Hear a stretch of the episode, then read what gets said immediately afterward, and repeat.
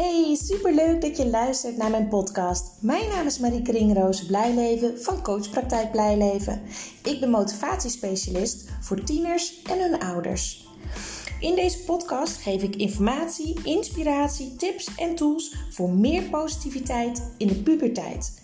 Het is namelijk mijn missie om het onnodig afstromen, dubleren en zakken voor het eindexamen terug te dringen in heel Nederland. Ik weet inmiddels uit ervaring dat als het contact tussen ouder en tiener positief is, dat dat direct effect heeft op het welbevinden en de schoolresultaten van een tiener. Een motivatieprobleem is namelijk een gevolg, geen oorzaak. Enjoy! Hey lieve mensen, wat leuk dat je weer luistert. Het is vandaag zaterdag. Het is zaterdagochtend half acht. En normaal post ik een uh, podcast altijd op de maandag, woensdag en vrijdag. Maar op een of andere manier heb ik, nou, de vrijdag die gaat wat moeizamer of zo. Of dan bedenk ik te laten, oh, ik moet nog een podcast posten. Dus ik heb mezelf even de ruimte gegeven om, uh, om hem vandaag op te nemen en te posten.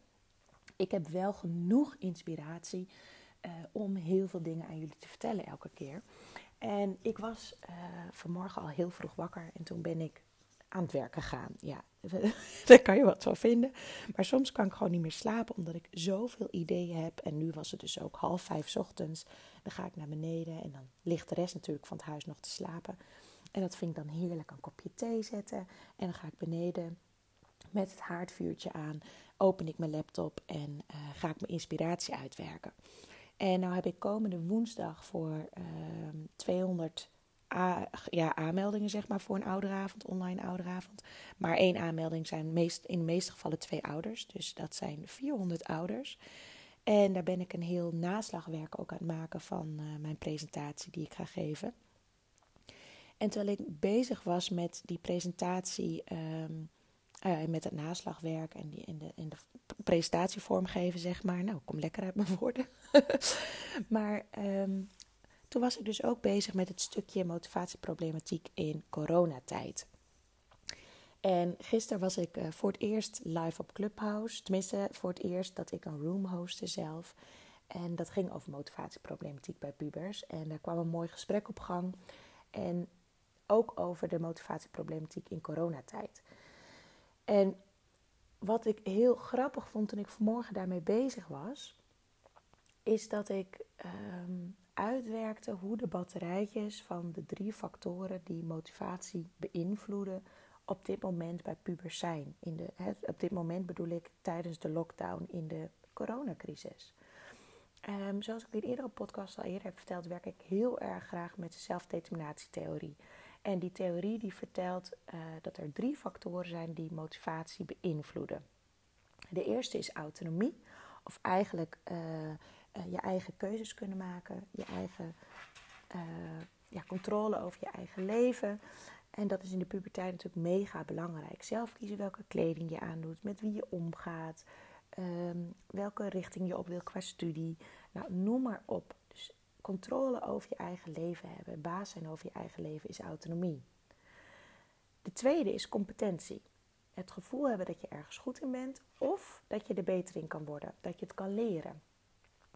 En de derde is sociale verbondenheid. Nou, dat spreekt eigenlijk voor zich, hè, dat je je verbonden voelt met andere mensen. Het kunnen je ouders zijn, dat kunnen vrienden zijn. Eigenlijk gewoon het gevoel dat je ergens bij hoort. En ik leg het aan pubers altijd uit aan de hand van drie batterijen die uh, leeglopen, weer opgeladen worden, weer leeglopen, opgeladen worden. En soms zijn batterijen gewoon standaard vol, omdat ze continu worden gevoed, zeg maar. En dus dan teken ik ook altijd drie batterijtjes. Dus bij autonomie 1, bij competentie 1 en bij sociale verbondenheid 1. En toen was ik dus de batterijtjes aan het maken in de presentatie in coronatijd voor pubers. En toen besefte ik dat alle drie de batterijen van alle drie de factoren dus leeg zijn. Tieners kunnen op dit moment niet veel eigen keuzes maken. Ze zijn 24/7 thuis met hun ouders. Tuurlijk zijn ze wel af en toe buiten, maar ook nu met de avondklok hebben ze gewoon heel erg weinig uh, keuzes. Kunnen ze niet hun eigen beslissingen maken rondom wat ga ik doen, met wie ga ik, uh, dat soort zaken. Dus de autonomie is onvoldoende op dit moment. Lage batterij. competentie. Nou, ik weet niet hoe met jullie pubers zit, maar de pubers die ik spreek, die hebben het gevoel grip te verliezen of al kwijt te zijn op hun schoolwerk. Alles is online. Uh, het, is, het overzicht is veel moeilijker te houden nu alles online is. Overal staat wat. Uh, de ene docent zet alles in Magister of Som Today. De andere docent doet het via Classroom. Weer een andere docent stuurt het in een mailtje. Het is niet meer overzichtelijk. En ook de uitleg van de online lessen is gewoon anders dan als ze met z'n allen in een lokaal zitten. Echt respect voor de docenten hoor, want het is niet makkelijk. De docent probeert de leerlingen in gedrag te corrigeren. Of, of doe je mobiel weg. Of uh, kom even gewoon voor de camera zitten. Doe je camera uit. Ja, als een puber niet luistert. De docent kan verder niks natuurlijk. Je kan moeilijk zeggen, ga het lokaal maar uit. Sterker nog, als je dat zou zeggen, dan zou een leerling zeggen... Oké, prima, ik ga wel offline. Dus hè, niks negatiefs over docenten. Het is gewoon het hele lesgeven, het online lesgeven via Meets, via Zoom, via Teams het is gewoon kwalitatief minder goed in de meeste gevallen. Dat geven de tieners ook aan. Ze zeggen ook van ja, in heel veel gevallen krijg ik 20 minuten uitleg. Daarna mogen we de meet verlaten. En dan uh, moeten we zelf aan de slag. Nou, ten eerste gaan ze in de meeste gevallen niet zelf aan de slag op dat moment dat ze de tijd voor hebben. Dus ik zou eigenlijk docenten die dit luisteren aanraden: zorg dat de meet gewoon aanblijft. En dat de jongeren uh, voor de camera aan het werk gaan met hun huiswerk. Want dan doen ze het tenminste. De controle is dus veel minder.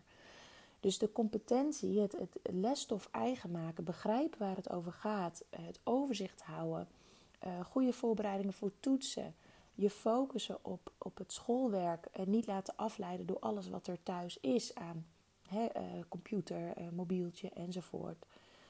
Het is niet makkelijk. Dus de batterij van competentie, het gevoel iets ergens goed in te zijn of het te kunnen leren, is ook laag, is ook onvoldoende.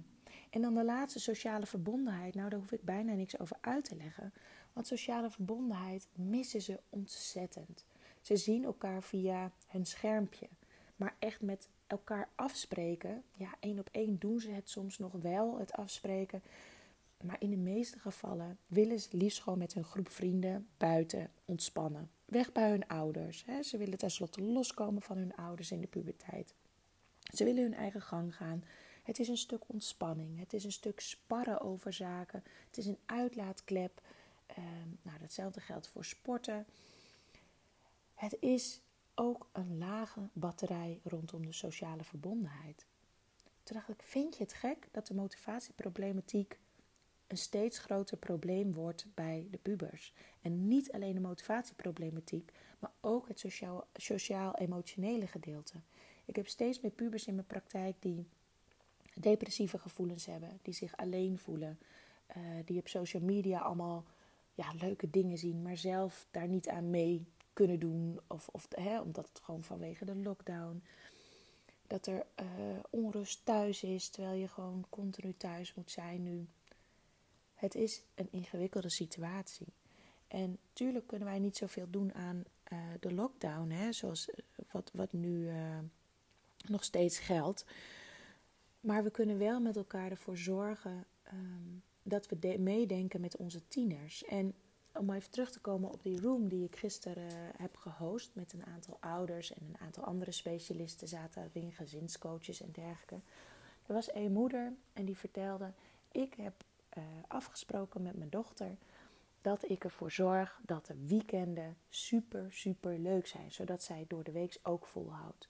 Zo hebben we uh, filmavondjes of doen we iets leuks of komt er een logé. En natuurlijk, een logé kan je je afvragen, is dat, is dat verstandig? Daar heeft, heeft iedereen misschien wel weer een, een mening of een oordeel over. Ik vond het heel mooi, mooi wat deze moeder vertelde.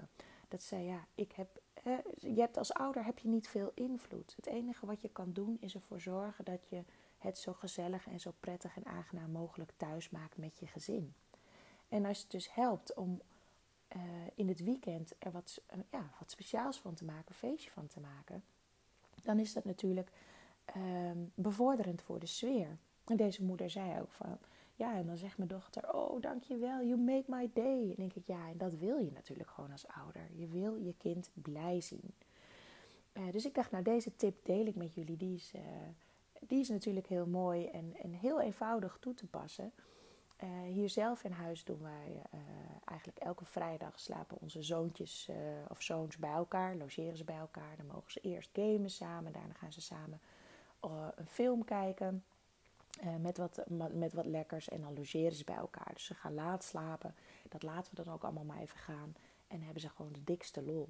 En dat maakt het gewoon allemaal net even wat uh, anders dan door, dan door de week. Hè? Want anders zijn alle dagen zo hetzelfde. Ik weet niet hoe het met jullie zit, maar ik ben af en toe echt even de dagen kwijt. Want ik heb in de war bij welke dag is het ook alweer. En als je dus het weekend wat uh, specialer maakt met elkaar, niet alleen voor de kinderen, maar ook voor jezelf, um, dan is het wellicht weer beter te handelen. Dus bedenk hoe je ervoor kan zorgen dat je je kind toch bepaalde autonomie kan geven, dat hij toch bepaalde keuzes zelf kan maken. Um, dat hij voor zijn gevoel weer grip krijgt op zijn schoolwerk. Hè. Dat kan zijn dat je samen een overzicht maakt. Heel vaak willen pubers dat niet, hè. die willen geen hulp van ouders. Um, wij hebben zelf de planposter besteld bij um, uh, www.posterineklas.nl. En dat is een groot, hele grote poster van A1-formaat, uh, eh, geplastificeerd. Dus daar kan je op schrijven met een uh, whiteboardstift van een maand. Dus dan als je daar al het huiswerk samen opschrijft, of dat je tiener dat alleen doet, hangt ook een beetje van de leeftijd af natuurlijk, dan is het overzichtelijk wat er moet gebeuren. En ook al staat het op verschillende plekken uh, online, dan kan je het op de poster gewoon op één plek uh, opschrijven. Dus samen ervoor zorgen dat er weer overzichtelijk wordt. Um, eerst huiswerk doen, daarna leuke dingen doen.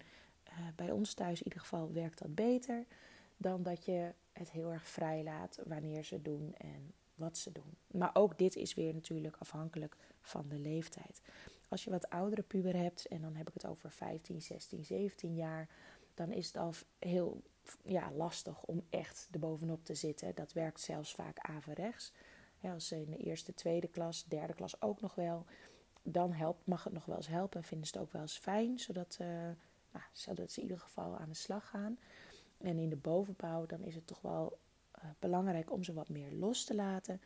Um, als je invloed wil hebben op je tieners, is het uh, het verstandigst eigenlijk om vragen te stellen. Gewoon belangstellende vragen. Dus niet controlerende vragen. Maar vragen stellen van... Uh, joh, uh, hoe gaat het met school? Lukt het allemaal? Ehm, ik kan me voorstellen dat je het overzicht verliest.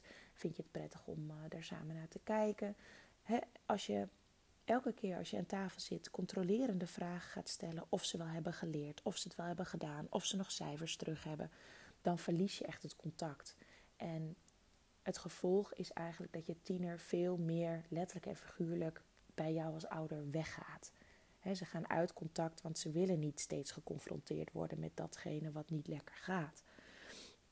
Um, dus als jij echt belangstelling toont aan je tiener en, en wil weten hoe die er tegenover staat en hoe het voor hem is en hoe die het ervaart en wat jij kan doen als ouder, wees oprecht nieuwsgierig en stel vragen.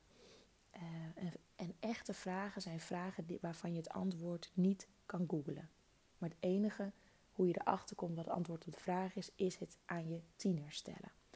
En dit is zo'n belangrijke tool om met je tiener te praten in plaats van tegen je tiener. Um, want je pakt heel veel dingen in één keer aan. Je zorgt ervoor dat je puber zich gezien, gehoord en serieus genomen voelt. Het zet je puber ook aan het denken. Doordat je vragen stelt, gaat hij over dingen nadenken. Hè? Want pubers leven heel erg in het hier en nu. Die kijken niet altijd vooruit. Uh, of sterker nog, ze kijken bijna niet vooruit. Zowel qua huiswerk niet als qua acties die ze doen die wellicht niet zo verstandig zijn. En wij als ouders en helemaal de moeders willen heel vaak redden. En voorkomen dat er dingen misgaan. Hè? Voorkomen dat ze een onvoldoende krijgen. Voorkomen dat ze um, dingen niet inleveren. Maar uiteindelijk leren ze het meeste van trial and error. Oftewel uh, fouten mogen maken en daarvan leren. En dat is ook een stukje loslaten. En niet helemaal loslaten, niet laten vallen, niet laten stikken, maar los vasthouden. Oftewel, laat ze maar proberen.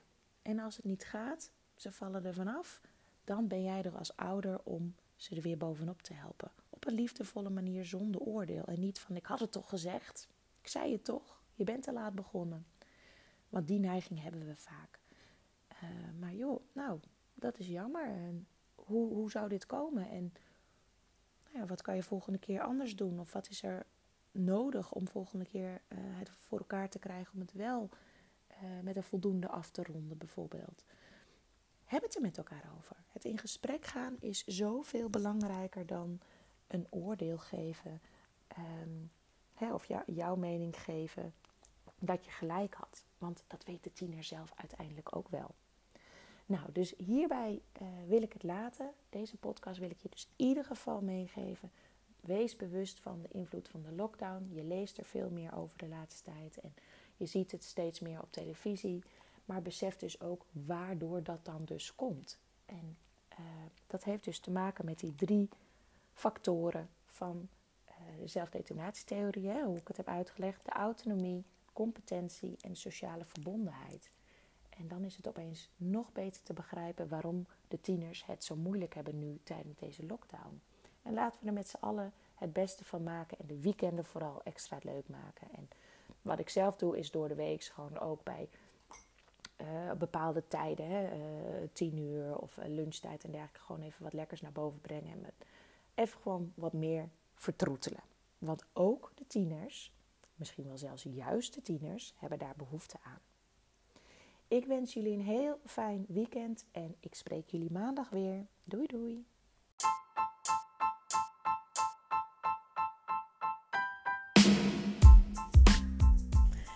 Dit was weer de aflevering van deze podcast. Ik hoop dat je het leuk hebt gevonden, dat je er veel informatie, tips en inspiratie uit hebt kunnen halen. Ik ben ontzettend benieuwd wat jij van deze podcast vond en wat je eruit hebt gehaald. Want ik neem ze op, maar ik wil heel graag weten hoe het is voor jou als luisteraar om dit allemaal te horen. Wil je mij dat laten weten via een persoonlijk berichtje? Dan vind ik dat hartstikke leuk. Wil je andere ouders motiveren, stimuleren? En inspireren met deze podcast, deel het dan op social media. En wil je mij contacten? Dat kan via www.coachpraktijkblijleven.nl. En wie weet spreken we elkaar snel. Fijne dag!